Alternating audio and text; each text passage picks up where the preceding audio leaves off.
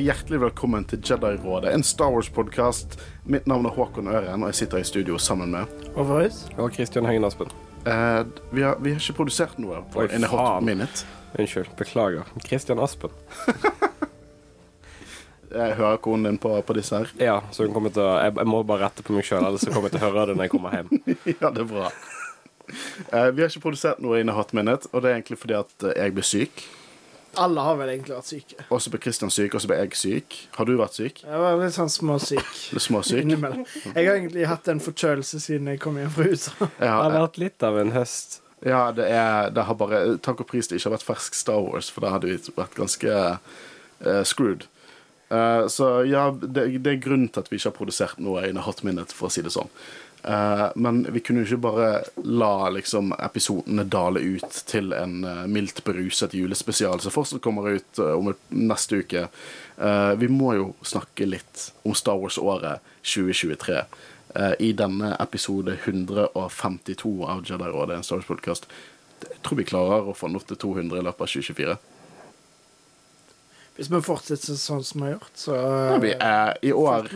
I år har vi eh, produsert 42 episoder. Dere hører på den 40, eh, 41. episoden av Jedi-rådet i 2023. Eh, eh, 42. julespesial som er produsert og kommer ut neste uke.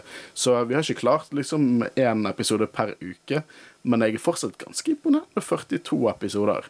Eh, vi har tatt oss en ganske noen gode pauser, men jeg var redd vi hadde produsert sånn 20, jeg, siden vi har vært syke i for alltid. Eh, men vi skal snakke litt om Star Wars-året 2023.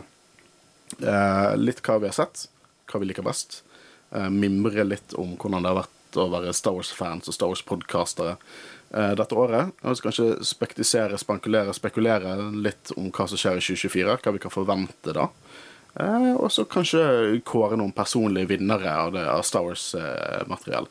Eh, og så har jeg på en måte også noen fun facts om hvor bra vi har gjort i år. Det, jeg setter sånn pris på lytterne som sender inn deres Spotify-recaps til oss. Jeg, jeg vet det bare toot our own horn, men det er veldig gøy å se at folk bryr seg så mye at de sender det inn til oss på sosiale medier. Uh, hvordan vi ligger an på deres topplister, det setter vi veldig pris på. Det er kanskje en del av favorittdelen min av jul. det Ja, det er alltid et høydepunkt. Ja, det er kjempekjekt. Så vi setter så pris på det. Uh, så vi skal gå litt gjennom våre egne stats der. Toot our horn enda mer. Uh, men vi kan jo hoppe inn i, i årets jeg vet ikke, Hvordan føler dere dette Star Wars-året har vært? Det har jo vært uh, Vi har fått en mye, egentlig. Uh, Ett stort spill um, og flere serier. Um, så ja, nei, det har vært uh, ganske bra. Nå har vi jo Vi har jo snakka om å begynne enda mer med bøker, og vi har jo gjort én. Så vi må jo bli enda flinkere hvis vi, kanskje vi skal ha et nyttårsforsett og faktisk starte skikkelig opp med en bok Ja, vi bør det jo det. i 24. Eh, Det har jo kommet eh, Star Wars-ting eh, på bok og tegneserier òg, så Det kommer jo nesten hele tiden, føler jeg. mm. Men ja, nei, det har vært et bra år. Du da, Christian? Ja, jo da, 2023 det har vært et veldig bra år, syns jeg. Eh, jeg tror den serien som vi alle tre har vært mest excited på, er nok åker, hvis ikke det er helt feil. Ja, og det skal mye til for meg å på en måte få noe som jeg er mer excited over enn en Mando. Mm. Uh, I hvert fall liksom i, i sesongen nå i forhold til det vi har fått, fått i år. Uh, nå skal ikke vi spoile for mye av mine meninger og hva jeg skal kåre til min favoritt, men jeg syns også 2023 har vært et strålende år. Mm. Eh, det har det. Mm. Som alltid sier, vi lever i en gullalder av Star Wars. Ja, jeg skal like, jeg liker godt å, å høre argumentene for at vi ikke gjør det, for det er fy søren som vi gjør det. Eh, vi, er, vi er så bortskjemt som Star Wars-fans at det har vært så mye bra, så mye lidenskapelige uh, content creators som har laget noen utrolige serier til oss. Uh, selvfølgelig. Mye og Vi, vi, vi nitpicker, vi også, og det er alltid ikke feilfritt, men utrolig fornøyd med 2023. Det har vært utrolig mye stilig. Og ikke, ikke minst bare, bare med liksom spill og filmer og serier, men vi var på Celebration i år. Mm. Det er jo helt sinnssykt at vi var der. Jeg, jeg, jeg, jeg har allerede fått sånn nostalgi til Celebration at jeg sånn angrer på at jeg ikke levde mer i nuet. Jeg var for opptatt av å tenke at det var vondt i føttene, og det var lange køer og det, jeg har liksom Når jeg var der, så var det veldig slitsomt, og det var flere dager jeg liksom kom hjem eh, tilbake til Airbnb-en og bare var helt død. Eh, jeg tror det gjaldt alle sammen, men det er ikke det jeg tenker på når jeg tenker tilbake til det. Det var liksom alt det gøye og det vi fikk opplevd og alt mulig sånn. Så ja, nei, det var utrolig gøy. Og jeg har jo hatt lyst til å dra til Celebration i årevis, så det å liksom endelig være der, det var stort. Og det var et stort høydepunkt i dette året. Det var jo enorme mengder mennesker. Jeg vet ikke hvor mange som var på det eventet til sammen, men du ble jo sliten av å gå rundt i en sånn folkemengde. Men og at ingen eh, av oss fikk covid, det er et mirakel. det er et mirakel. Men igjen tilbake til det du sa, det er ikke deg sitter igjen med at du har vært der. Det er alle de uh, kule tingene vi fikk se, uh, tingene vi fikk oppleve, nyhetene vi fikk, og alt det som ble annonsert. Altså være alle, alle panelene, sant. Ja, det var helt nær fantastisk opplevelse. Ja. Å være så tett, og være på et sånt event der alle elsker det samme.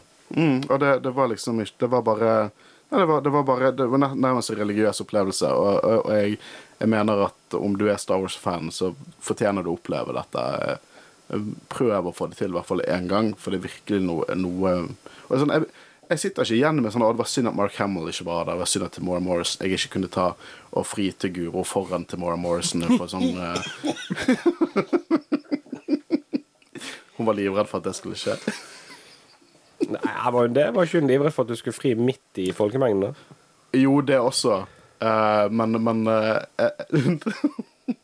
jeg, har lukka øynene mine, så ser jeg en sånn photoshoot av en overrasket Tomorrow Morrison som står bak meg mens jeg står på kne og frir rygg til Guro. ja, det var når jeg skulle fri til Guro, da, for det skjedde. Jeg, jeg forlovet jo meg der.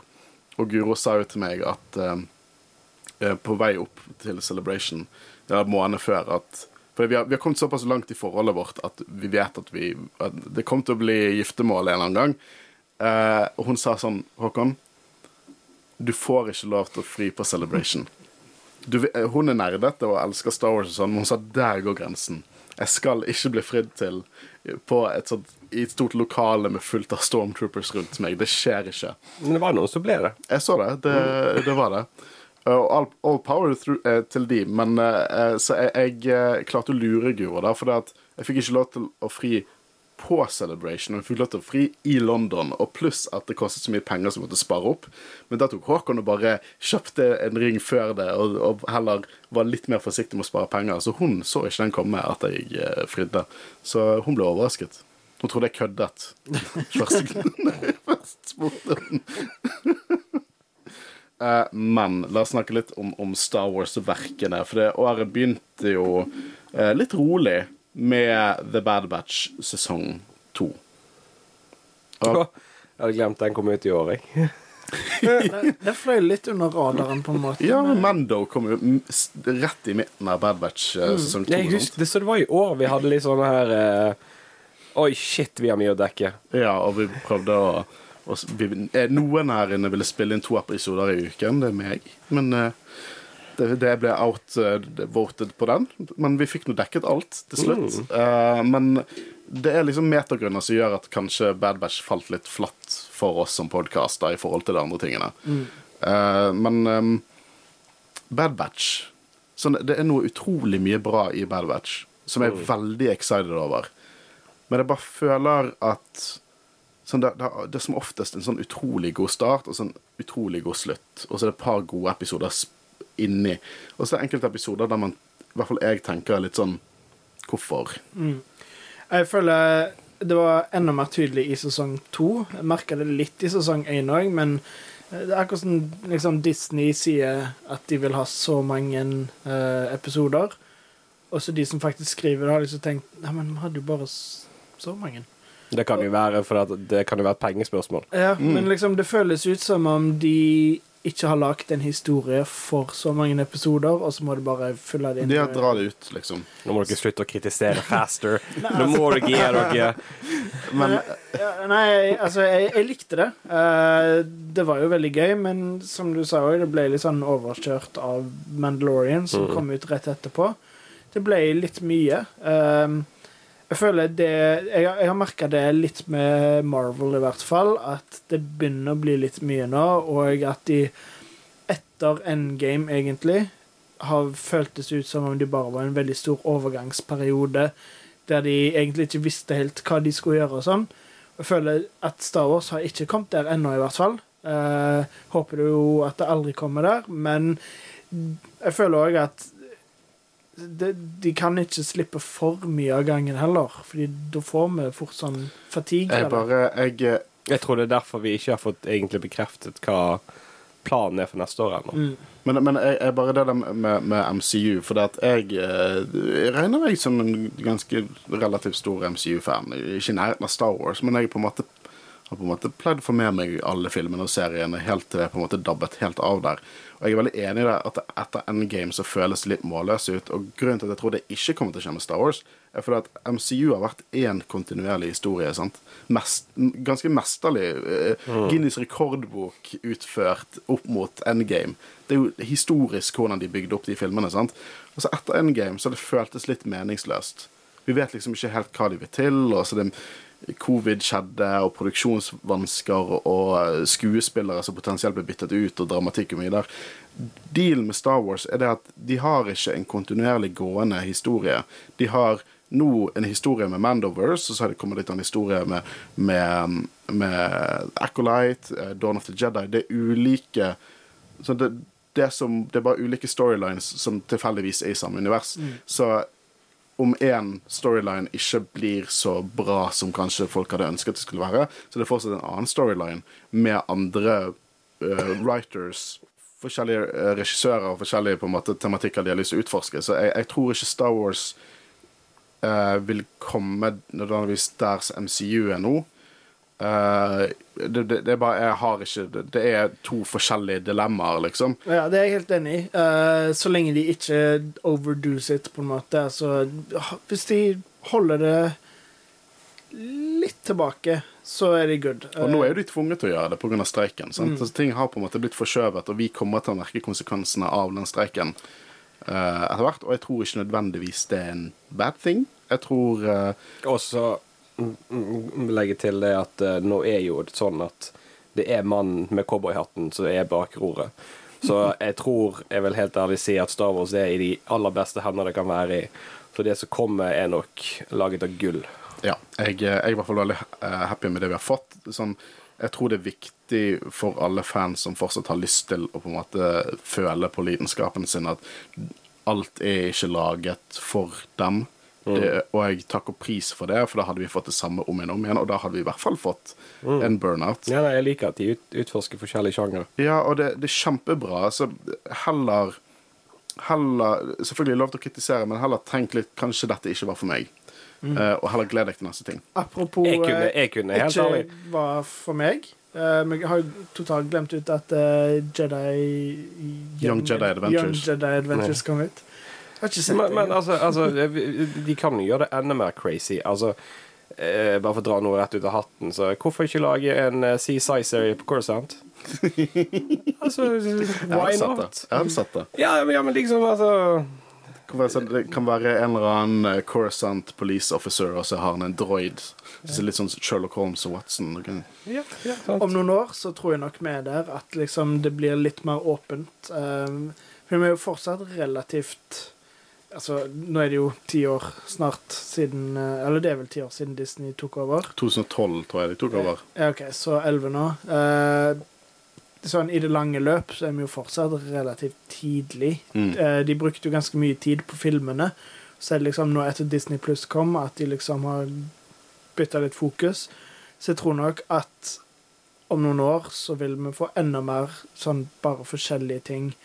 Eh, og det kunne vært kan jo være veldig kult, så lenge det er bra utført. Bare leke med sjangre, som vi alltid har sagt vi har likt, men at uh, gjør det på en enda større skala, da, med eksempel at noen lager en CSI-serie, eller bare et eller annet i Star Wars-universet som ikke har noe som helst med Skywalker-sagaen å gjøre. Det, om noen år så får vi nok det. Jeg, helt ærlig så tror jeg at eh, jeg, jeg tror jo det er sunt for folk å ha den innstillingen og tenke liksom ikke alt er for meg, selv om jeg ikke likte dette, så, så liker jeg det, og ikke på en måte si sånn å ja, hvis, hvis, neste, hvis jeg liker neste serie, så gir jeg opp Star Wars.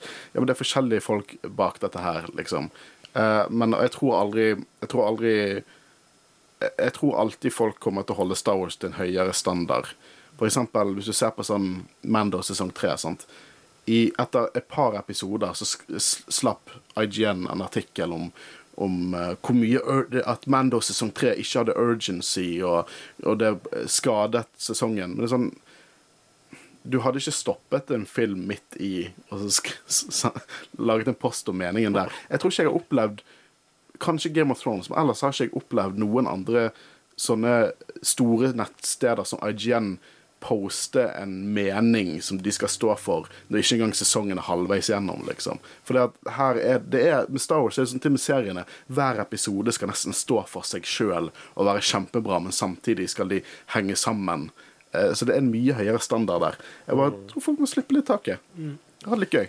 Det er nok òg litt fordi det er noen som ikke klarer helt å Liksom, De forstår det sikkert, men de vil ikke forstå det. At Star Wars er blitt en franchise. Det har det jo vært i lang tid òg, men at i enda større grad er det blitt en franchise. jeg vil si nesten siden uh, Return of the Jedi at det har blitt liksom Return of the Jedi er den første gangen du merket at sånn en franchise som ikke bare eh, liksom er på en måte autører, for det er autører i franchises også, og det er kunst og alt det der, men det er også andre faktorer. Det er det er målgrupper, det er merchandise, det er alt dette her. Det er ikke første gang de har gjort sånt med serier heller. Um, det er jo litt annerledes nå, for nå er det jo en canon som de følger, men på 80-tallet så slapp de jo flere liksom Saturday morning cartoons. Jeg begynte å se for noen uker siden den der Star Wars Droids, men jeg bare takla det ikke. Det, jeg, jeg bare Jeg skjønte ikke Det var liksom en Det var sånn en stereotypisk Cartoon Network eh, Jeg bare lener meg tilbake og det ler. Jeg, synes, men, men det jeg må innrømme Ja, jeg, jeg skjønner hvor du mener, det, men jeg, weird at eh, jeg syns det er litt, litt tidlig, jeg. Jeg tror jeg Det er sjarm med det. Hvis jeg drikker øl og liksom eh, er i da blir det humør, ekstra gøy. da tror jeg at jeg kunne Når Håvard liksom ikke le liker Star Wars, er han full. Men, men, jeg, jeg, jeg, jeg, jeg, det- er jo bare slapstick-humor fra Ja, ende det annet. det. Men det, det, det, jeg syns det er litt gøy. Ja, det er jo det. Det er en sjarm til det, og jeg elsker artstyle. Poenget er i hvert fall at det er ikke første gang eh, liksom noe Star Wars-relatert har sluppet som ikke alle liker, eller som folk ikke skjønner hvorfor. Så jeg føler at når én ting kommer ut som du ikke liker Who cares? Ja. Det kommer noe annet. Ha det gøy. Uh, men uh, Bad Batch uh, Bad Batch. Jeg synes at ehm, Jeg synes at det er mye bra her. Jeg er veldig enig om det føles som om de hadde en historie til x antall episoder, men de ble påtvunget til å lage y antall episoder. Og igjen, det er et pengespørsmål, men et tipper jeg, da. Eh, men jeg syns sesong to har noen eh, flotte moments. Ja, og eh, jeg, jeg, jeg syns Crosshair sin storyline er utrolig spennende. Mm. og sesong to Den avslutningen, den sitter ennå sterkt i minnet. Enig. Uh, Tax sitt eh, sacrifice, det var, det var hardt å svelge. Det var det. Og, og mitt problem, og du, du var litt, egentlig litt inne på det nå Jeg er mer investert i Crosshair enn jeg er i The Bad Batch. Og den ene karakteren som jeg egentlig synes var mest interessant i sesong to, han drepte de off på slutten. Eh, Så det er litt sånn Jeg har litt sånn ambivalent forhold til hele greien. Men jeg er veldig hypet på sesong tre. Eh, Jeg, jeg gleder meg fortsatt til Bad Batch er konkludert med tre sesonger der jeg kan sette meg ned og se alt back to back, uten at Mandos sesong tre kommer og distraherer meg. Eh, Så jeg er fortsatt excited til fremtiden. Men jeg vil kanskje si at for min del fortsatt bra, men det er nok det jeg er minst excited over av det vi har fått i 2023. Mindre enn Visions? Så Ja, jeg, jeg, synes jeg har mye Visions vi, vi skal gå innom Visions, men ja Jeg Jeg, syns ikke Visions var så ille. jeg syns det var ganske Sesong bra. Ja. to hadde noen utrolig gode episoder. Vi kan egentlig bare hoppe inn i Visions nå, selv om det eh, ikke kom ut rett etter Bad Batch. Jeg syns Visions sesong to realiserte eh, det som på en måte Visions skulle være av konsept, som ikke sesong én klarte. i min Ja, altså. Det jeg syns er best med Vision sesong to, er at eh, det gir eh, De gir eh, en oppgave. Lucasfilm eh, ansetter et studio til å lage en kortfilm for dem. Og det er eh, studioer fra forskjellige land. Og jeg syns det er utrolig spennende at de lager eh, en Star Wars-historie i en annen kultur. Ja. Og Og jeg, jeg føler det er jo i- Altså, jeg likte sesong én. Jeg syns det var utrolig stilig med anime, men jeg foretrakk det når det var forskjellige òg. Eh, liksom fra hele jorda, he, hele verden, på en måte. Mye Ja. som du sa. Forskjellige kulturer. Eh, den som ble lagd av et indisk studio, likte jeg skikkelig godt. Ja. Det Eh, Og det er sånn jeg vil de skal fortsette med sesong tre. Mm. Nå går de videre til flere kulturer, andre land, og la de få lag. Altså, jeg syns det er utrolig spennende. jeg synes det var mye bedre, for i sesong én så føltes det Når det bare var anime, så følte jeg på veldig mange av de Ikke alle, men på veldig mange av de Så var det ikke folk som avforsto Star Wars, eller ville lage Star Wars. De, det, det virket mer som at Star Wars var en ettertanke. Og det synes jeg var så rart, fordi at eh, dette, dette liksom I hvert fall sesong én, hvis ikke dette var en måte å, å kanskje få Star Wars-fans til å på en måte bli investert i anime, og anime-fans til å bli investert i Star Wars. Hvis det var målet, så syns jeg de feiler, mange av de feiler totalt. Jeg kan ikke se for meg at jeg er en anime-fan, og så ser jeg dette, og så blir jeg interessert i Star Wars. Og jeg kan ikke, ikke vice versa. Jeg er jo ikke så interessert i anime. Og jeg, jeg følte ikke jeg ble så interessert i anime av å, å se sesong én, men sesong to så ble jeg kjempeinvestert i, disse, i, i hva de ulike studiene hadde å si. Det var noen jeg ikke likte så godt som andre, men jeg syns alle på en måte Jeg syns det oste mer Star Wars. Jeg synes det at de, Spesielt den indiske, hvordan de tok inn den kulturen og, og på en måte tok det i Star Wars-DNA. Jeg syns at sesong to var veldig vellykket. Og det kan eh, misforstå meg rett, jeg er nok mye mer investert i historien til Bad Batch enn jeg er til Visions, men bare ut ifra den oppgaven som Visions skulle være, så følte jeg at de, det, det ble Jeg ble tilfredsstilt. Det var mer enn det jeg forventet, fordi at jeg var litt skuffet til sesong én. Jeg syns sesong to var virkelig, var virkelig interessant og godt gjennomført. Jeg føler det var et par episoder i denne sesongen òg som også føltes ut som at Star Wars nesten var en ettertanke. At det egentlig var um, en helt annen historie, men mesteparten av de føler jeg Da fikk de virkelig fram følelsen av Star Wars, DNA-et til Star Wars. Har du en favoritt? Ehm, jeg vet ikke, jeg likte veldig godt den indiske. Ehm, Det var The, The Bandits of Go Golak. mm.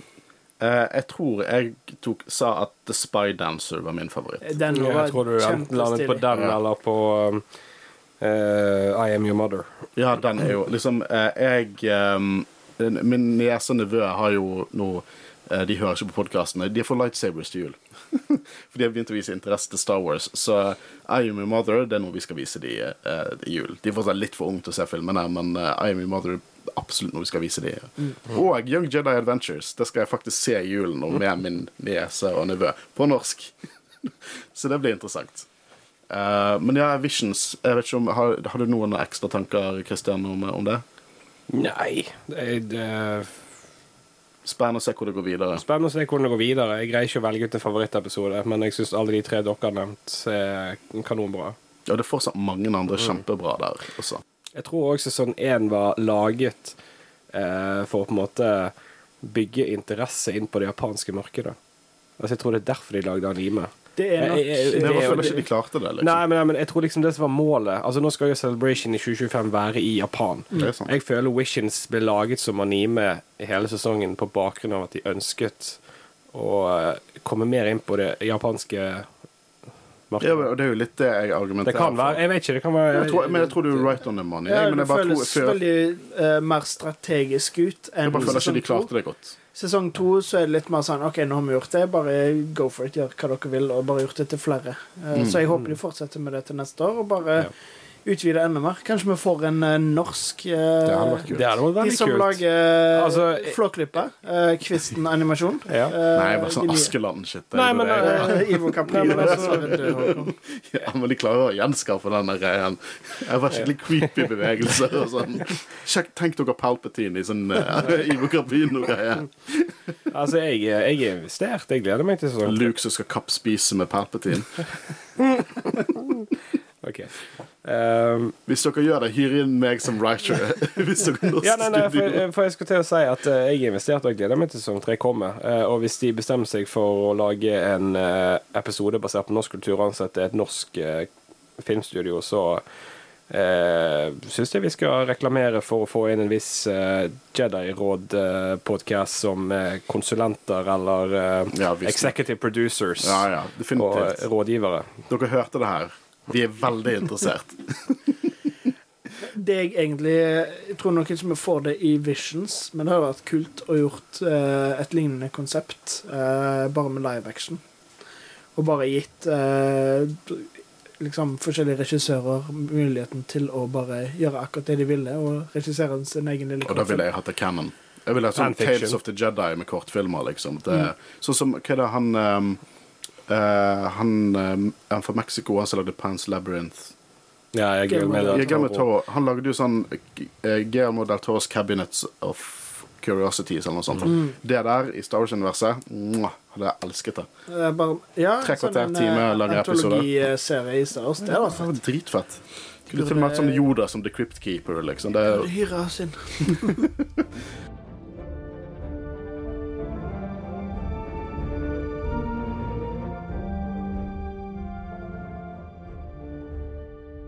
men vi må jo hoppe på en av uh, the big ones her, og det er Mando sesong tre.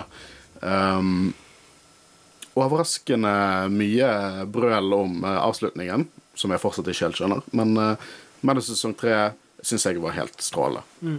Og vet du hva, med Mando, det har tatt kanskje det, det, det, det tok en stund etter sesong én der jeg måtte anerkjenne at dette her ikke var det jeg forventet når det gjelder sånn episodestrukturer. For det, i Mando sesong én er nesten Det er på en måte det nærmeste egentlig det vi diskuterte tidligere, at ulike regissører får lov til å leke seg i Star Wars-universet. For der er det sånn at ja, du har en rød tråd, men du har også på en måte egne episoder som har helt annen feeling og stemning enn andre episoder.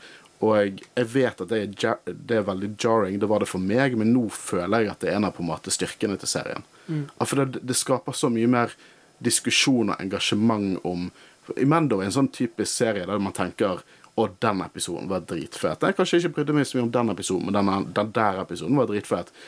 Enn for eksempel Endor, som jeg elsker. Med Endor så tenker jeg mer som helhetlig. Jeg tenker ikke sånn at én episode i Endor som var bare helt konge. Jeg tenker liksom Endor sin, er som en lang film, mens Mando Det er jo er, et rett svar på Andor, og det er jo The Eye-episoden. Jeg husker ikke hvilken episode det var. Det var der heiste, og når du så det der meteor shower-greiene, vet du. Jeg vet ikke om det var min favorittepisode. Ja, det var konge. Nei, den var konge. Men, men altså, poenget mitt er at Mando fortsetter med det som Mando gjør. eh, eh, Og jeg, jeg synes at eh, de tok historien veldig interessante steder. Ja, kanskje litt forventede steder. Kanskje ikke det var så mye overraskelser, men det trenger ikke nødvendigvis å være det for, for å være en god historie heller. Nei, og så er det um, Jeg følte ikke det sjøl, men jeg kan på en måte skjønne litt eh, hvorfor folk ikke likte det, med tanke på at det føltes litt sånn setup. Uh, litt som uh, liksom hva skal jeg si, en semifinale. At det føltes ut som bare at å, nå, nå er vi klar til Thrawn. Nå, nå kommer det big bad guy. Og tidligere har det vært litt mindre skala, på en måte. Mm. Så det følte det, det har nok litt med det å gjøre, og så har det nok eh, ganske mye å gjøre med det at eh, den eh, Rangers of the New Republic-serien ble kansellert. Eh, og vi fikk storylines som skulle inn der. Merket du det også med sånn Boko 3. Ba- Ba- Ba- eh, i fjor også? Sant? At det, det var noe ting der som måtte endres, eh, rett og slett på grunn av slike ting. Men jeg syns Mando var helt konge. Seriøst, jeg tenker på de to siste episodene som en film, egentlig. Som bare Og ja, de endret skala. Sant? Det største som skjedde i Mando tidligere, var et dusin Mandalorians gjorde noe kult på Navarro, liksom. Eller eh, eh, crewet invaderte noen av de minste liksom Star Destroyer-aktige skipene ever, mens her hadde du liksom flere klaner som gikk sammen, og en flåte. Og jeg tenker liksom bare de sekvensene der Mandalorian-flåten bare kommer over Navarro med musikken der, og Nei, det var bare sånn Mando sesong tre for meg var bare sånn pure Star Wars-glede. Så kul action. Bare kul. Den er tøff. Den er tøff, liksom. Og, og nå når vi har sett litt på, på Rebels, når de på en måte der bygger opp Mandalorian, så du ser nesten som en konklusjon Eller i hvert fall en, en, en milestone i Mando sesong tre, eh, basert på Cannon, som på en måte ble først eh, satt i gang i Clone Wars sesong to. Jeg syns det var utrolig kult. Jeg syns det var dritfett.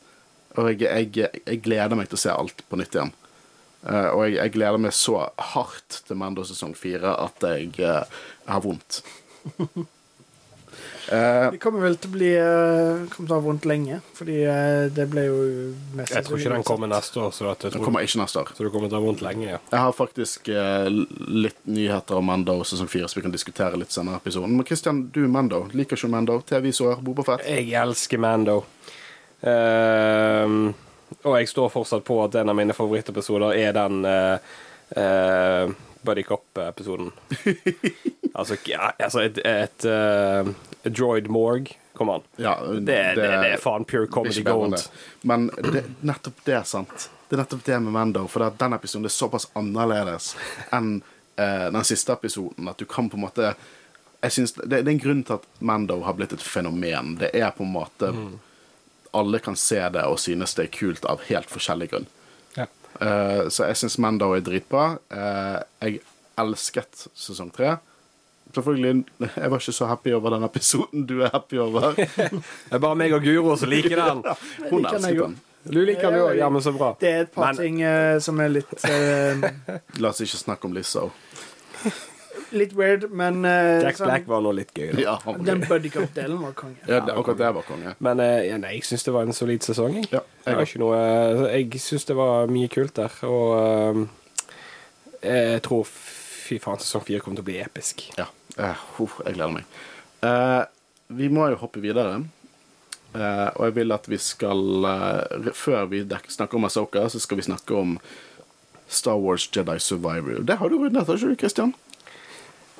Ehm, Han har ikke rundet. jeg, jeg, jeg gjør sånn som Håvard gjorde under livesendingen. Jeg går og tar meg litt mer vann. Men eh, vi, ikke, vi trenger ikke snakke spoilers. Eh, det må vi nesten få til en gang. Skal ikke love noe, men vi har jo, vi har jo egentlig lovet det. En Star Wars Survivor spoiler-episode. Vi hadde en, en eh, review, spoiler-free review, og så hadde, var vi gjest hos eh, Spillmagasinet. Eh, den er fortsatt mulig å finne på deres podkastplattform. Det er meg, Guro og Marius eh, som da var programleder av Spillmagasinet. Den, han er super Star Wars-nerd, han har vært der tusen ganger før. Dypdykking av Kennan i denne episoden. Så hvis dere ha noe, eh, la oss være ærlig, nest best possibility av en Jedi-råde spoiler på det, Jedi Survivor, så kan du finne den der. Men Håvard, du rundet jo Jedi Survivor. Hva, hva satt du igjen med? Det var en uh, utrolig bra opplevelse. Um, jeg likte jo uh, Fallen Order òg. det tok litt tid før jeg spilte det, fordi ja, Vi har jo gått gjennom dette før. Jeg er ikke flink i, i vanskelige spill. Men etter Elden Ring så fant jeg ut at kanskje jeg kan klare det likevel. Det er jo barnemat i forhold. Um, og jeg bare jeg føler at Jedi Survivor det, det gjorde alt som de fikk til i uh, det første spillet, og bare gjorde det enda bedre. Det er et sånn perfekt eksempel på eh, hva en eh, sequel skal gjøre. Bare utvide og forbedre alt mulig sånn. Det er det samme, men mer og bedre, liksom. Ja, og eh, ja, nei, storkoste meg, og det kom ut um, både på verst mulig tidspunkt og beste tidspunkt, fordi det kom jo ut rett før jeg skulle levere masteren. Så jeg sparte det jo. Um, den an altså, vi fikk jo anmeldelseskopi av det etter release, så den hadde jo du Da hadde du allerede kjøpt. Jeg kunne for ikke vente på kunne det. ikke vente. Og Men, eh, du, all- Kristian, skulle heller ikke spille det med en gang, så da fikk jeg anmeldelseskopien. Så liksom omtrent med en gang jeg var ferdig med masteren, så hadde jeg det ferdig installert, og jeg liksom kunne Jeg jeg hadde fri, og jeg bare I et par uker så bodde jeg i Star Wars-universet, og det Det var bare helt perfekt. Det, det, det, det spillet er bare Jeg er helt enig. Og det eneste jeg finner negativt med spillet, det er sånn spilltekniske ting. Det var dårlig optimalisert, men det er ikke vi For noen nerder som snakker om optimalisering av spill. Det er ikke derfor Jedi Råd eksisterer. Jeg elsket Jedi Survivor. Jeg elsket eh, og at jeg hadde en blaster laget av Beskar, fordi jeg kunne velge hvilket materiale det skulle være. Jeg elsket historien. Vi skal ikke gå inn på historien noe særlig eh, på Christian eh, sin, sin eh, eh, del, men historien er bare fantastisk. Som du sier, du lever i Star Wars-universet. I, i, i ca. 40-50 timer, hvis du er litt sånn completionist, så lever du i Star Wars-universet. Det var det spillet jeg spilte mest i år. Eh, det har kanskje litt med det at jeg egentlig ikke spilte så mye. Uh, igjen pga. masteren, så det eneste jeg På spilte av Warhammer. uh, Warhammer etterpå, da. Uh, Jeg og, jeg og Håvard begynte å male Warhammer. uh, men ja, eh, Jedi Survivor var det spillet jeg spilte mest i år. Og eh, ja, nei, storkoste meg med det. Eh, det var, det var bra historie òg, liksom med tanke på Cannon. Eh, jeg håper Jeg syns Cal var litt whiny i eneren, men nå håper jeg virkelig at vi får han i live action. Gritty, og min hadde skjegg og, og en sort rustning og hvite lightsabers. Alle lightsaberbladene lager forskjellig humming basert på hvilken farge du har, og ulike stances. Og alle som sier at crossguard-stansen er ubrukelig Nei, det er dere som er ubrukelige. Dere bruker den feil. Det var det eneste jeg brukte. Ja, crossguard-stansen er dope. Eh, blaster og lightsaber stance. Dope. Jeg elsker dette spillet. Jeg gleder meg til å spille det igjen.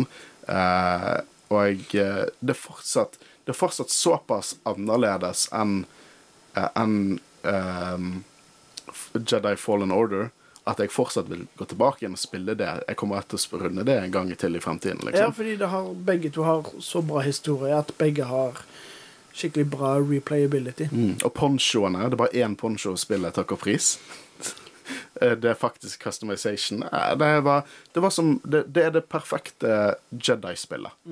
Absolutt. Det som er laget. Og jeg, jeg, jeg føler ikke at det Selvfølgelig i min mening, men bare, det, er, det er bedre enn de som var på tronen før, som er sånn Jedi Knight eh, Jedi Academy og Jedi Outcast, liksom. Det, det er bare helt kongespill. Det føles så Gameplay føles så digg ut, det føles så responsivt ut.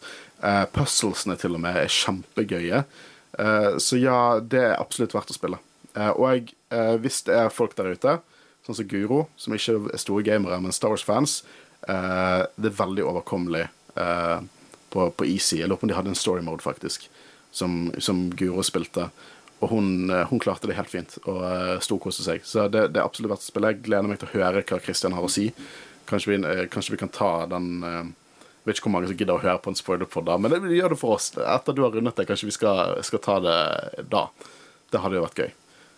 Eh, men så er jo det det ferskeste, det nyeste, det mest shiny Asoka. Jeg vil høre fra Christian. Nå når, du, nå, nå det, har, det har ruget litt i menene dine, hva sitter du igjen med etter Asoka? Jeg syns Ashoka var en ganske Unnskyld. Eh, nei, jeg, eh, jeg likte det. Jeg, som jeg har sagt i alle episodene, tror jeg, som vi har uh, spilt inn, så syns jeg at jeg ikke så Asoka sesong én. Jeg syns jeg så Rebel sesong Oi, Vent, jeg vent litt, en, to, eh, fem.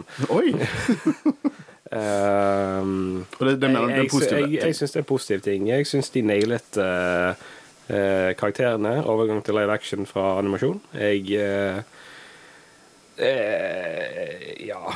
Altså, jeg har bare litt nitpicking eh, hvis jeg skal snakke om serien i sin helhet. Jeg syns det var en kanonbra gjennomført serie.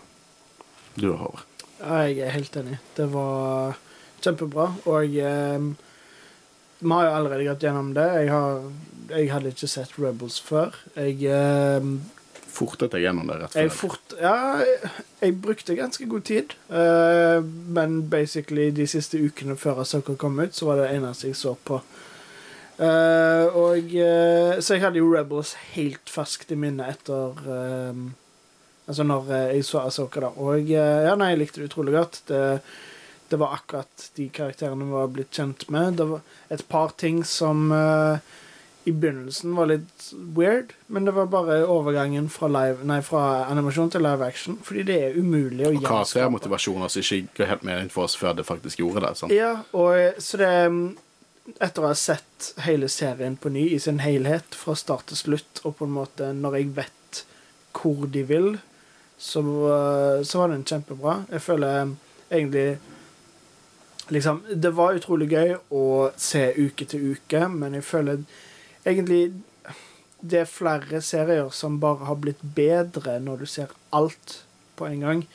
Akkurat som eh, Det kom ikke ut i år, da, men eh, Obi-Wan Kenobi. eh, Det hadde jeg litt problemer med når det kom ut, men når jeg binga alt og liksom bare så hele visjonen, så skjønte jeg litt mer hva de gikk for, og jeg skjønte valgene de tok, og likte det bedre. Så ja, Soka var kjempebra.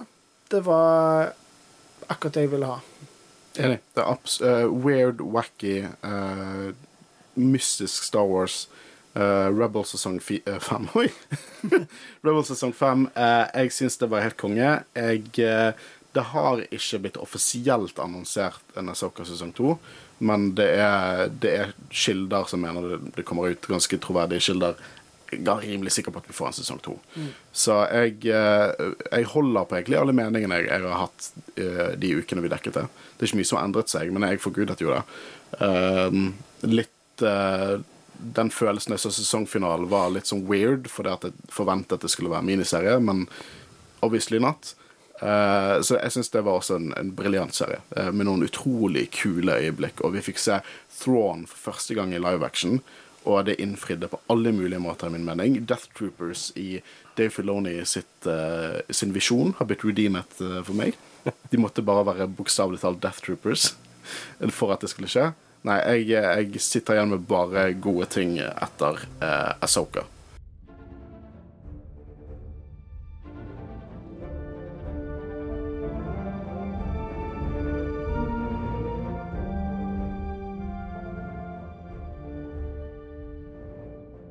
Eh, jeg tenker jo Vi må jo på en måte si hva det er vi synes var best her. Så, så det jeg vil si, er at det er vanvittig mange moments i Asoka, eh, så det er liksom vanskelig å velge ett. Eh, jeg Altså, vi skal snakke om hva vi likte best av alle serier, men jeg kan allerede si nå at det er Asoka du likte best av alt det som kom ut i Åh, 2023. ja, sorry, siden vi var på, på Asoka, så vi, jeg var ikke klar over at vi var på en måte gått til bildet i sin helhet, men Dere skylder på dårlig programledelse. ja, det er egentlig der jeg legger mest skylden. Ja, jeg skjønner. Men eh, ja, det blir vel da Asoka. Hvorfor blir det Asoka? Hvorfor blir det Asoka? Eh, for det er vanvittig gøy å se disse karakterene igjen. Dette er høyt elskede karakterer, i hvert fall fra min side. Eh, og eh, det er det, det, Hayden Christensen Altså, det er så mye fra den serien som får meg til å nesten besvime. At eh, det, er, det, det er derfor han sitter så tett i brystet mitt. Av og til så må man stoppe litt og tenke at bare for fem år siden så var dette ting jeg hadde aldri forventet at vi skulle se. Ja, akkurat det. Hvem, eh, liksom, hvem skulle trodd at vi fikk en serie med Asoka? Og hvem skulle trodd at vi, vi fikk en serie der Hayden Christensen spiller Anakin Skywalker og møter sin tidligere apprentice? Altså, det, det, det, det, er sykt å tenke på. Av og til må man stoppe opp og tenke litt på. Ja, det Så nå tenker jeg du skal sikkert velge noe annet for å være litt mer, lage litt bedre radio. Det står egentlig mellom Asoka og Jedi Survivor. Uh, siden det er to forskjellige medier, så kanskje begge to. Bare være cheap. Uh, men eh, ja. Uh, serien Jeg likte Asoka best, definitivt. Eh, jeg synes det ble gjort kjempebra. Dave Filoni vet akkurat hva han holder på med, og ja, har ikke noe annet å si annet. Liksom det med Christian Det du sa, Christian. Eh, det var bare kjempebra. Ja, jeg, jeg kom til å tenke på det Dave Filoni sa for den episoden der Astra kommer for første gang inn i, uh, i serien. Den heter jo Far Far Away. Ja. Og det er liksom, jeg, husker, jeg husker vi nevnte dette i en episode, jeg husker ikke når, men liksom, når vi var på Celebration, så satt uh, eh, Dave Filoni i stolen sin oppe på scenen, og der uh, han spurte Lurer dere på hvor Astra er? Så sa han jo He's far, far away. Jeg, altså, jeg elsker Å, det er så bra. Det er så bra, for det er alle i studio der var litt sånn Funny. Little did they know. Sorry. eh, Unnskyld, Håvard. Uh, ja, nei, men Det er perfekt oppsummert. Det var eh, Altså, skuespillerne. Uh, Mm. Perfekt casting. Um, så egentlig kanskje mest på grunn av Altså, det var den serien jeg likte best, men av alle verk så tror jeg jeg faktisk går for Jedi Survivor, men det var egentlig mest med alt rundt. Vanskelig å sammen... For du lever det på veldig mange måter. Ja, men òg for min del, som jeg har nevnt ganske mange ganger nå Jeg fullførte masteren min. Det, jeg sleit mye med den. Eh, jeg jobba hardt for å bli ferdig. Og bare den følelsen av å levere og så liksom bare Jeg kan spille, jeg kan ha det gøy igjen. Den, eh, den sommeren. Det var nydelig. Eh, og det at jeg umiddelbart begynte på Jedi Survivor og bare grodde det. Jeg har ikke gjort det på årevis. Der jeg liksom bare satte meg inn i et spill og liksom var sånn ah, Hva skal jeg gjøre i dag? Jeg har ingenting å gjøre. Jeg kan spille. Kjempedeilig. Ja, men det unner jeg deg, altså. Det... Nei, men jeg, jeg, jeg Jeg, jeg, jeg, bare, jeg stiller bare ett krav til sesong to. Bare ett krav. Og det er så enkelt som at jeg vil ha Ezra i en episode med Hondo. Men det kravet vet du at vi har stilt så mange ganger. Det skjer aldri. Jeg gir meg ikke! Unnskyld, du skulle si noe. Uh, jeg eh, vil si at liksom Hvis jeg skal ta med meg ett verk videre fra 2023, så er det nok Jedi Survivor, men det er et spill. Uh, og jeg føler det er lettere Også for meg, nå hadde ikke jeg den eh, den frigjøringsopplevelsen som Håvard gikk gjennom i sommer, men, men jeg elsker Jedi Survivor. Men jeg tenker eh, på serier og verk eh, Det skulle mye til for å slå Mando. Mando eh, liksom, Jeg tror fortsatt de to siste episodene kanskje noen av mine favorittsamlede live action TV-verk fra Star Wars, de to siste episodene. Asoka klarte å, å være min favoritting i, i 2023. Eh, det var helt sinnssyke episoder. Balen Skull eh, var bare en helt utrolig fascinerende villain. Eh, og det er så synd at, at det som skjedde, skjedde. Og, og, men det, det var for en fascinerende karakter.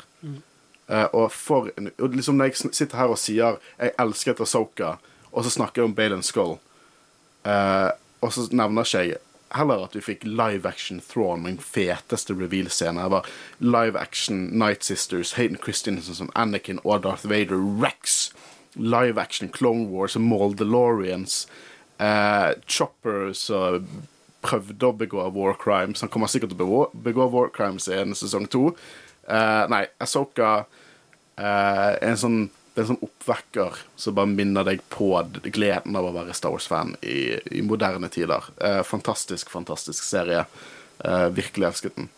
Eh, og, det, og det er liksom den, den er rett over Mando, liksom, for jeg elsket Mando også. My lady, your reinforcements has arrived. Åh, det er så fett. Eh, utrolig bra. Eh, jeg, jeg, jeg føler vi har snakket nok om øyeblikk. I, i notatene mine Vi kan si best øyeblikk, men vi har snakket om plenty om eh, øyeblikk. Det jeg har lyst til å snakke om nå, er 2024.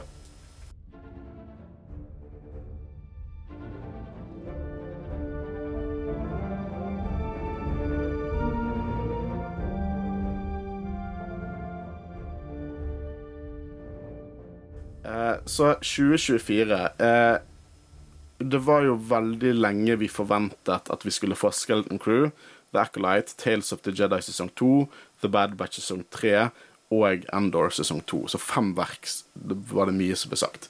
Nå nylig så har det kommet fram en eh, sånn Disney-annonsering på ting folk skal være hypet for i 2024. Uh, Endor sesong 2 er ikke på den listen. Uh, det kan jo bety enten at de er usikre på om Endor sesong 2 klarer å komme ut i 2024, uh, eller at Endor rett og slett ikke kommer i 2024. 2024. Jeg lener litt mot at den ikke kommer i 2024, for å være helt ærlig. Jeg tror Endor kommer i 2025. 2025. Eh, men det er fortsatt fire verk, Star Wars-verk som er bekreftet til å komme i 2024, og det er The Acolyte, Skeleton Crew, eh, Bad Batch sesong 3 og Tales of the Jedi sesong 2. Eh, jeg er rimelig sikker på at Skeleton Crew ble eh, kommet ut at det, er det siste vi får. Holiday 2024. Som jeg kan tolke er denne tiden neste år. Jeg vil tippe nesten at de gjør som i fjor. Uh, at Bad Batch kommer først, kanskje. Jeg tror Bad Batch er først ut dørene. Absolutt. Vi har jo ikke fått en trailer ennå, da. Uh, Bevis en trailer kom- på Celebration, da. Vi hadde Eirik Bull fra Filmmagasinet her, så han hadde jo sett den, så jeg gikk litt gjennom en liten teaser. Så det er jo um, det er, Jeg tror absolutt den kommer ut uh, først, ja. Den eller Tales of the Jedi. Og så helt sikkert rundt eh, senere i vår får vi kanskje eh, The Acolyte. En liten del av meg tror at vi får Acolyte litt på samme tid som vi fikk Asoka i år. Det er streiken som har tatt litt eh, på ha dyttet, eh, dyttet ting, men det tror jeg bare er positivt. Men jeg tror Nå har jo Bob Iger også sagt at Eller ikke om han har sagt offisielt, eller om det bare er liksom rykter og rapporter, men at i hvert fall med tanke på Marvel så skal de kutte litt ned, fordi de, de har gått De har gjort mye. Så er det sånn, Og det har jo, som jeg allerede nevnt i begynnelsen av episoden, liksom det folk som har, inkludert meg og deg, eh, fatigue, Marvel fatigue. Um, så jeg vet ikke om de har sagt noe om de skal gjøre det samme ta liksom, gjøre det samme med Star Wars. Og kutte litt ned, og i hvert fall færre ting av gangen. Ja, jeg, jeg tror ikke nødvendigvis det er negativt. Uh, Kevin Feige har jo kommet ut og sagt at hans Star Wars-film ikke blir noe av. Mm. Um, så jeg forventet aldri at han skulle lage en Star Wars-film. Men jeg, jeg, jeg er så oppgitt av alle de annonseringene. Så det jeg håper dette betyr, er at de er mer forsiktige når de annonserer ting. Uh, jeg tror at disse tre filmene som de annonserte på Celebration, er absolutt fast bestemt at de kommer ut. Ja, Det virket uh, for uh, big deal til at det ikke skal bli noe av. Ja, i hvert fall altså Patty Jenkins sin var jo ganske konkret hva det var, men for eksempel den, for en teaser til det. til. Kevin Feige, den Det var jo ikke noe annen informasjon enn Kevin Feige skal lage en Star Wars-film. Taika Watiti har sagt nylig at han fortsatt driver og skriver filmen sin. Uh, jeg vil at han skal ta seg god tid. Eh, jeg vil ikke ha noe sånn Thor 3, 4. Hva heter den? Thor Ragnar... Nei, Love- Love and Thunder. For det er den filmen Det bare sårte meg. Jeg elsker uh, Thor Ragnarok. Og den Nei, skal ikke snakke mer om MCU. Eh, jeg, jeg håper hans film blir til, og jeg håper at han har lyst til å lage den. Og jeg håper at han tar seg tid til å lage den. For Taiko Waititi eh, er en jeg er veldig fan av. Ja. Eh, ikke bare i, i Mando sesong én, men også de andre filmene han har laget. Han, han er dritflink. Han har jo visstnok sagt at Star Wars-fans kommer til å en, en, hate han. Han mimer jo. Han mimer to totalt. Han mimer altfor mye, men uh, jeg føler nesten det er en bra ting òg, fordi det betyr at vi får en Taika Waititi-film, Mm. ikke bare en Taika Waititi Star Wars-film. Uh, han har jo en, en helt egen stil. Uh, så jeg er spent. Jeg håper vi får han. Og som du sier, jeg håper at han tar seg tid, og at ikke bare rusher for å få han ut. Um, så det blir jo spennende å se, da. Ehm, jeg, jeg vet ikke helt Jeg hadde jo nesten forventa at vi skulle få enda flere eh, liksom trailere og releasedatoer, men det kommer vel etter hvert. Nå er det jo ikke Celebration neste år heller, så det er ikke akkurat sånn at de sparer det til det. Så det blir veldig interessant. Eh, De kan jo likevel spare det til Made of Force, da. De er, men de er jo veldig sparsomme med trailerne sine. De, de har kommet såpass langt at de vet hva de har, så de føler ikke at de trenger å markedsføre det like hardt som de gjorde før. Tenk på Force Awakens-traileren kom ut halvannet år før filmen, liksom. Men um, Skeleton Crew hvis det blir det siste, da. Men jeg ble veldig hypet av Skeleton Crew etter jeg hørte det som de, eh, de som var på panelet, snakket om. At det skal Det handler om Barnia, og da fikk første gang så tenkte jeg meg at OK, så det blir kanskje det første live action som ikke er for meg, men jeg hørte at det var mer sånn Stranger Things eh, enn noe annet, så, så, så ble jeg interessert. For Stranger Things er Det er ikke en barneserie. Og Star Wars er for, for, også for barn, men at de på en måte, dette også blir i samme skala som alt det andre. Og det, det, spiller, det, skal være par, det skal være i samme era som Mando, så det kan jo bli interessant. Uh, så jeg gleder meg til den. Eh, Jeg gleder meg nok mest til The Acolyte, og det resten er fordi det, det er noe helt nytt. Det, det er High Republic, Det blir utrolig spennende. hva Frozen eh, slash Kill Bill er det det folk har sagt at eh, det skal være. Og jeg håper virkelig at det er uh, Plagueis. Krysser fingrene. Plagueis må være med i den, filmen, den serien. Virkelig. Herregud, vi må begynne å lese oss litt opp på High Republic Lauras. Det er kanskje den største mangel hos meg personlig. Jeg kjøpte de to første bøkene fra High Republic i eh, Jeg tvang jo Christian til å lese hele første boken, og så klarte ikke jeg å fullføre den engang. Han er fortsatt litt eh, skuffet over meg, tror jeg. Ja. Du må lese den fort, for vi må spille den inn fort. Ja, det, that's true. That's true. Eh, hva annet er det som kommer der? Tales of the Jedi sesong eh, to. Uh. Misforstå meg rett, ikke ha noe Asoka i den. Jeg vil ikke ha historier om Asoka. Jeg vet det er din darling Dave Filoni. Vi er kjempeglad i Asoka, men nå fikk vi en live action-serie om Asoka. Vis oss noen andre karakterer. For Tales of the Jedi med Ben Solo og noe Kylo Ren-greier, hvor kult hadde ikke det vært? Bare gi oss noe nytt. Eh, men jeg likte veldig godt mesteparten av Tales of Jedi sesong 1, spesielt det med Count Dooku. Det var kult det med Asoka også, men vi kjenner til Asoka så godt nå at det på en måte Vi trenger ikke mer å fylle inn der. Uh, men jeg, um, jeg er spent på den. Eh, og så har jo vi Hva var det siste jeg nevnte? Uh, Bad Batch sesong tre. Ja. Kan hende at de får litt mer uh, reven i gir her. For at slik vi forlot gjengen i sesong to, så egner ikke sesong tre seg til koseepisoder som Faster. Nei, jeg håper de er mye mer fokusert nå. Hvis ikke de knytter alt opp i løpet av sånn double episode finner start, og så er det noen koseepisoder, og så er det noe kult som skjer på slutten. Nei, Det jeg, blir spennende å se. ja, absolutt. Jeg håper de tar seg sin tid til å fortelle historien. For det er det jeg føler de har dårlig tid i, i de andre, så tar dere tiden til å fortelle. Men det er jo også dette Ubisoft-spillet, da, Star Wars Outlaws. Har dere noen tanker om det? Jeg gleder meg til et skikkelig open world-spill. Um, fordi Jedi Survivor er jo på en måte open world. Den største planeten, uh, Kobo Kobolt. Kobolt? Jeg tror Kobo? Kobo. I don't know. Jeg vet ikke Star Wars. Uansett, eh, den største planeten der føltes jo ganske open world. Der kunne du gjøre litt Med som du sånn ville. soner. Ja, mer soner. Men det, det var jo likevel ganske lineært spill, da. Eh, Så det blir veldig gøy med et som faktisk er open world. Eh, bare håper det ikke er masse sånne tårn du må klatre opp i for å låse opp Ubisoft, vet du. Og sånne ting. da. Men eh, ja, nei, jeg tror det kan bli bra. Um, det er jo ikke den settingen som er mest spennende, kanskje, og um, ja. Jeg tror det blir Jeg gleder meg, selvfølgelig. Jeg Du er veldig spent. Jeg gleder meg mye. Ja. Ja. Hva syns du om settingen? Uh, Roger og være en Han Solo nå har ikke jeg satt meg så veldig mye inn i spillet, men uh, Du så traileren? ne- ne- jeg tror ikke jeg har sett traileren. Har Nei. jeg gjort det?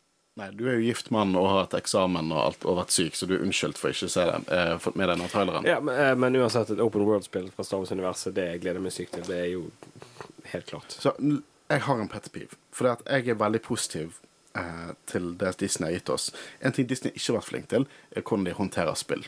Og jeg, Nei, altså, jeg er dritglad den dagen de eh, eh, åpnet for Der at EA, andre enn ja. EA kunne lage spill, for Unnskyld, altså, jeg spiller EA-spill, men jeg kan ikke fordra selskapet. For det er, det For er en upopulær mening.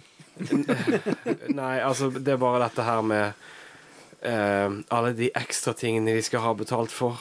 Ja, og det er liksom Jeg To be eh, fair, Ubisoft er verre enn EA når det kommer De, de har liksom EA Ultimate Edition til sånn 1200 kroner nå med de nye får ikke du prisene. med en eh, kul figur eller noe sånt? Eh, Digital Ultimate Ja, Edition. Jeg trodde det ikke fantes noen som var verre enn EA. Nei, virker Ubisoft eh, de, de, veldig, de, de prøver å nå EA, i hvert fall, hvis ikke de allerede har gått over dem. Men det, poenget er at jeg er helt enig om at de har åpnet opp, men det er litt for seint. Jeg skjønner ikke hva de tenkte med, for det at spillindustrien er diger. Spillindustrien er større enn filmindustrien. De to mest innbringende mediatingene ever. Da mener jeg spill, film, bøker, alt. Er Red Dead Redemption 2 og GTA 5. Begge fra samme utviklerne. Og GTA 6 kommer sikkert til å ta kaken til det igjen. Hvorfor i helvete er de sånn jeg vet ikke så mye om spill. Jeg kan ta det. Og det verste er at de hadde jo Lucasfilm Lucas Art Games òg. Altså, og så det bare la de ned. Eh, de kunne gjort Lucas Arts film til sånn en slags produsent. Eh, at de fortsatt ga det til andre studier, men at Lucas Arts Games var sjef og liksom uh, Altså Lucasfilm sin kontakt i spillindustrien, da. Eh, Jeg skjønner ikke hva de har gjort. For det som har skjedd nå For at jeg kommer til å spille Outlaws. Jeg er, ikke, jeg er veldig lite interessert i settingen fordi at jeg føler det er så Det er så åpenbart en, en setting å velge. Et sånt spill Star Wars under Disney er sånn ti år forsinket. Fordi at vi bruk, de brukte sånn alle årene sine på Battlefront 1, som er sånn en glorified demo, og så Battlefront 2, som var katastrofal på release, men så ble det ganske bra. Og når det var dritbra, så gadd ikke de mer. Da slapp de det. EA ble pitchet Battlefront 3. Nei, vi lager Vi, vi halfbaker Battlefield ni- eh, 2042 istedenfor. Uh, så med tanke på at vi har vært så ut, det har blitt så utsatt med at spillproduksjonen så nå får vi liksom Å, det Jedi-spillet som vi skulle hatt for mange år siden. Og så hva er det neste vi bør gjøre etter en sånn der vi spiller på en måte som en kind of Luke Skywalker? Ja, nå vi spiller kind of som en Han Solo. sant? De, de skal gå gjennom alle de mest vanlige archetypesene du finner i Star Wars. sant? Men jeg har ikke lyst til å spille som Han Solo. Det er nok sånne ting. Gi oss, gi oss noe annerledes. Hvor er Bounty Hunter-spillet mitt? Hvor er sånn Red Dead Redemption in Space, der du bare Hvor er Mandalorian-spillet? Det burde virkelig vært noe som virkelig folk er interessert i å lage. Jeg, jeg er hypet jo, på et jo, Open altså, World Star Wars-spill, men jeg bare er litt lei av å være Nå, skal vi spille, nå har vi spilt som Luke, nå skal vi spille som Han Solo. Det jeg altså- aller mest har lyst på, er faktisk et rollespill. Et skikkelig Altså et bra gjennomført open world-rollespill i. Star Wars hadde vært konge. Mm. Ja, nei, det er absolutt. Det hadde vært veldig, veldig gøy. Bare ikke lag eh, eh, Hva skal du si? Jeg vet ikke om dere har for eksempel spilt uh, The Avengers på PlayStation 4. Ja, ikke lag det. Nei, liksom i, I hvert fall hvis du skal lage spill, det, gjør det i alle fall bra. Ja, og, og sånn jeg, de, de, de, de klar, visste jo ikke hva de skulle gjøre med Nights of the Old Republic. De ga det til Aspire, og Aspire er veldig flink til å lage porter av gamle spill. Og så nå skal de lage en, ikke en port, men en remake av diskuterbart det mest anerkjente Star Wars-spillet noen gang produsert. Om folk hadde snak, sagt til meg at det er den beste Star Wars-historien, så vet ikke om jeg hadde argumentert så mye imot det. Nights of the Old Republic. Og så klarer de Selvfølgelig klarer de og beklager ordspråken fucke det opp, eh, dette lille selskapet. Og nå er det bare lagt på is. Det, ingen, det, blir ikke produsert noe mer. De slapp en cinematic der Darth Revan liksom kuttet mot skjermen. Nights of the Old Republic remake. Og så klarte ikke- de klarte ikke å få det gjennom. Det er, helt, det er latterlig at de ikke klarte å, å, å preppe det mer. Det er helt latterlig at de ga det til et så lite studio. Og det er helt latterlig at de har lagt det på is nå. For hvis det er én ting som hadde tjent penger for Disney, så det er Nights of the Old Republic eh, remake. Jeg hadde ikke brydd meg om det ikke var canon engang. De, eh, det er så, satt såpass langt fra, eh, eh, tilbake i tid at de like gjerne kunne gjort det canon med noen små endringer. Det er, er bare helt tåpelig at de ikke har fått det til. Jeg, jeg hypet nå at det kommer flere spill, men det er litt sånn bitter ettersmak av at de har håndtert det så dårlig. Det føles veldig ut som en ettertanke. Ja, det, Men Outlaws det ser interessant ut. Star Wars Hunters det bryr meg ikke om. Det skulle kommet ut i 2020. Det mobilspill. Kommer også på Switch. Det er en Overwatch-klone altfor lang tid etter Overwatch var stort. Så det er liksom Det har jeg bare fortrengt helt. Jeg har glemt ut. Jeg aner ikke hva det Ja, det ble utsatt til 2024, visstnok.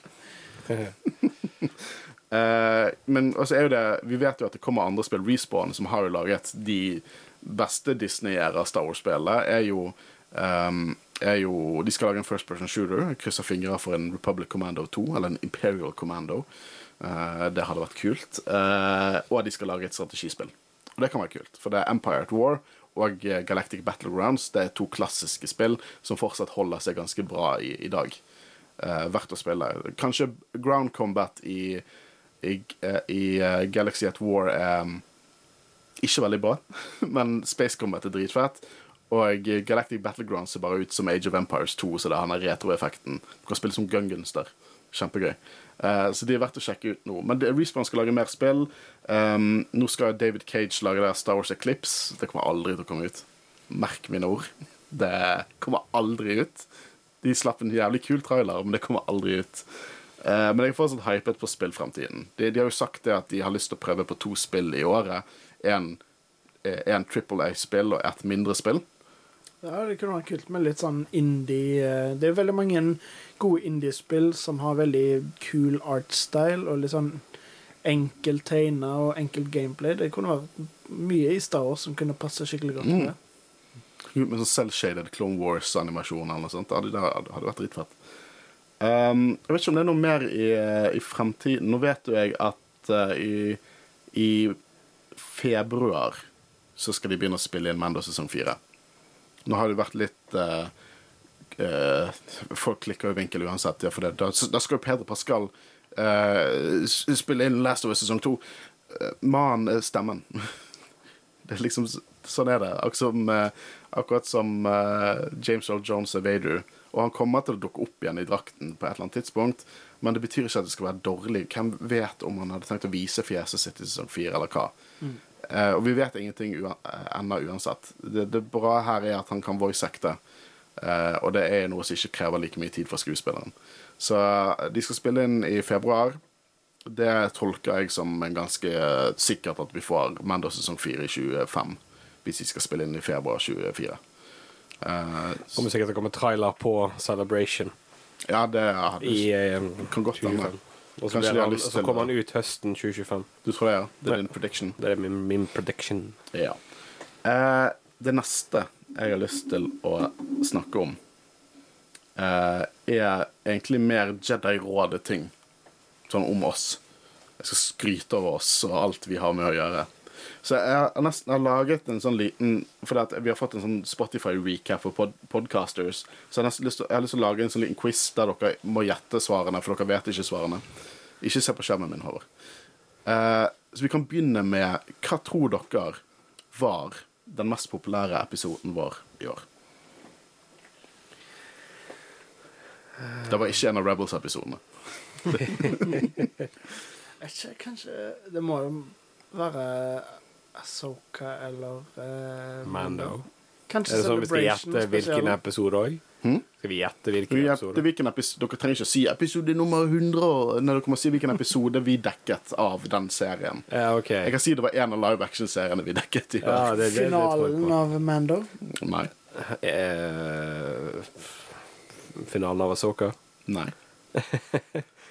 Dere må gå dypere her. Hva var det mest eh, liksom, Hva Å oh, ja, det er sikkert denne her eh, episoden uh, A War Between Worlds. Nei. Nei. Det er episoden etter. Det er episode 6, Far Far Away. Altså var episode 145. Ah, jeg var ikke langt unna, da. Nei, du var ikke langt unna, men det er overraskende at det ikke var den World Between Worlds-episoden. Ja.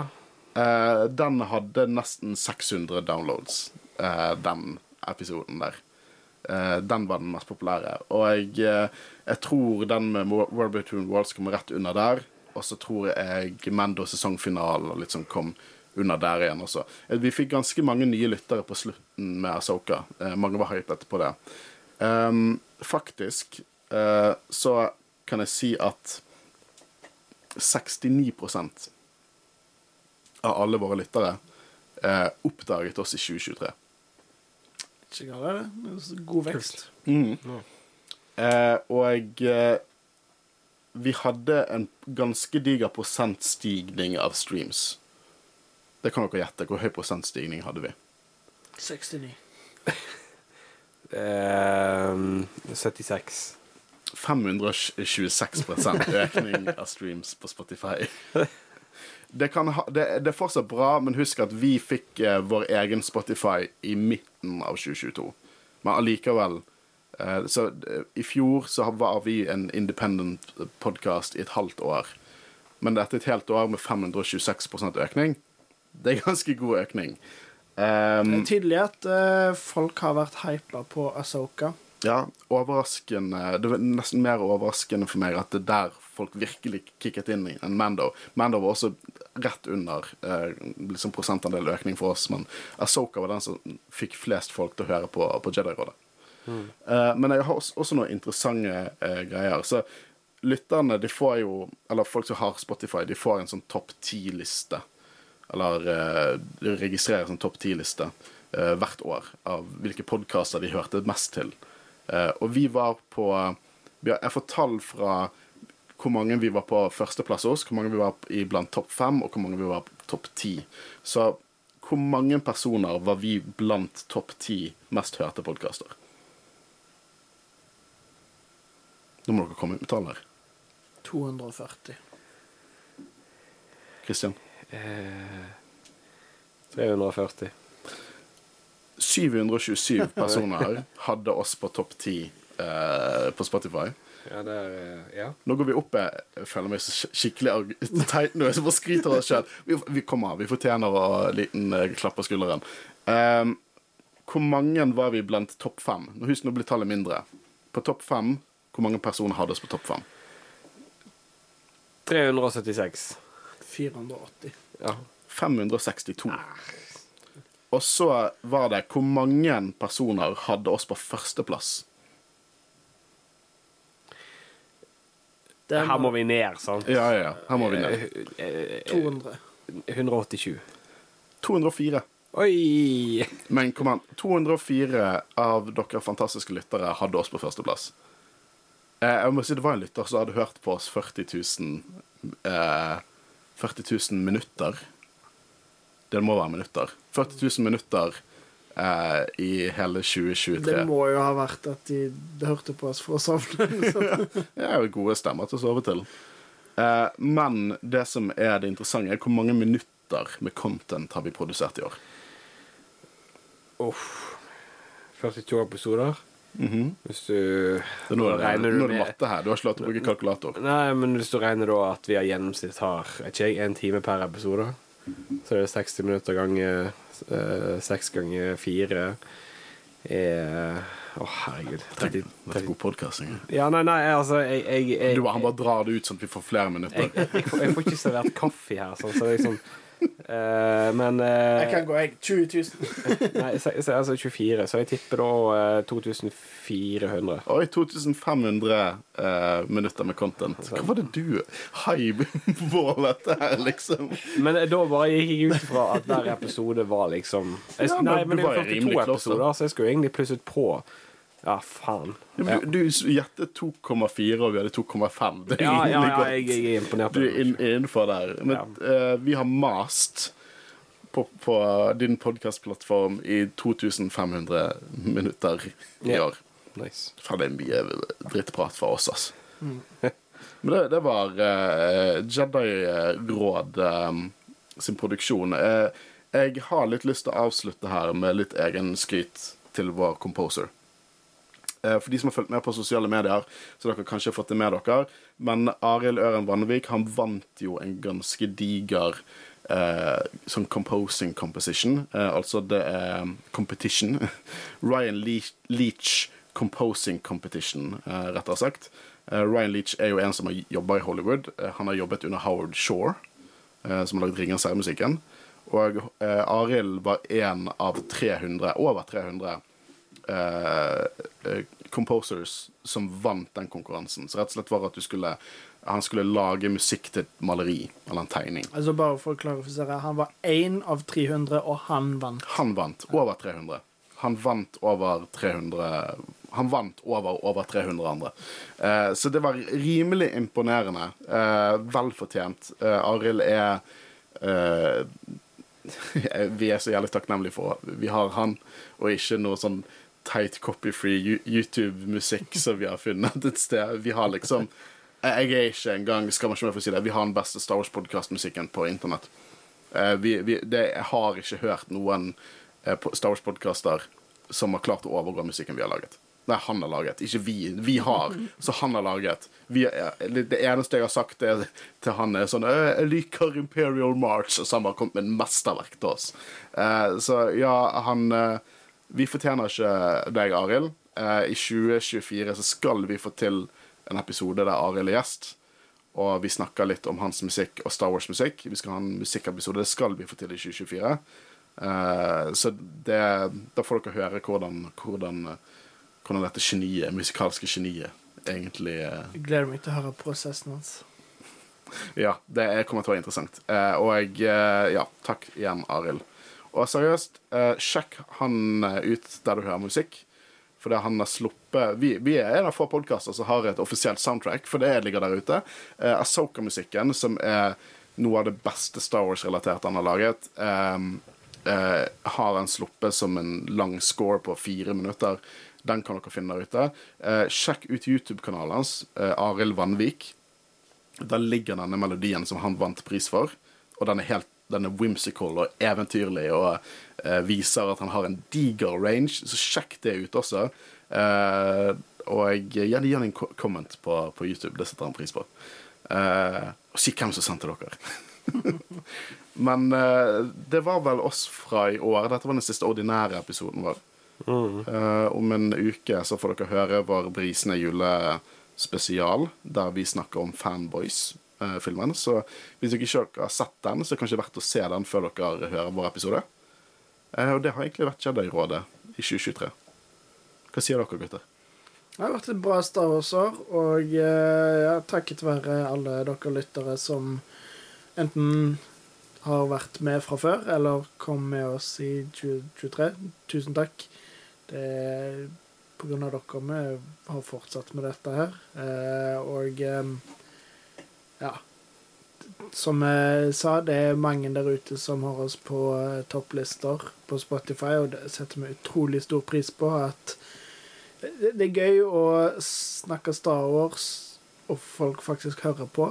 Selv om jeg gjerne kunne sittet her og snakka Star Wars med dere tre, eller dere to, eh, uten eh, noen hørte på. Men det er kjekt å ha lyttere, så tusen takk for det. Og jeg håper alle har en god jul og et godt nyttår, og klar for 2024 med enda mer Star Wars. Kunne ikke sagt det bedre sjøl. Nei, jeg syns det var en fin avslutning. Det var nesten tårer i. Ja. Mitt navn er Håkon Øren. Jeg har sittet i studio sammen med Harus. Og Kristian Haugen Aspen. Nei. Nei! Det er ikke det du heter. Det heter Christian Aspen heter det. Ja. Da tar vi jul. Eh, ja, men det er en vanesak. Snakkes. Ha det bra. Happy Life Day!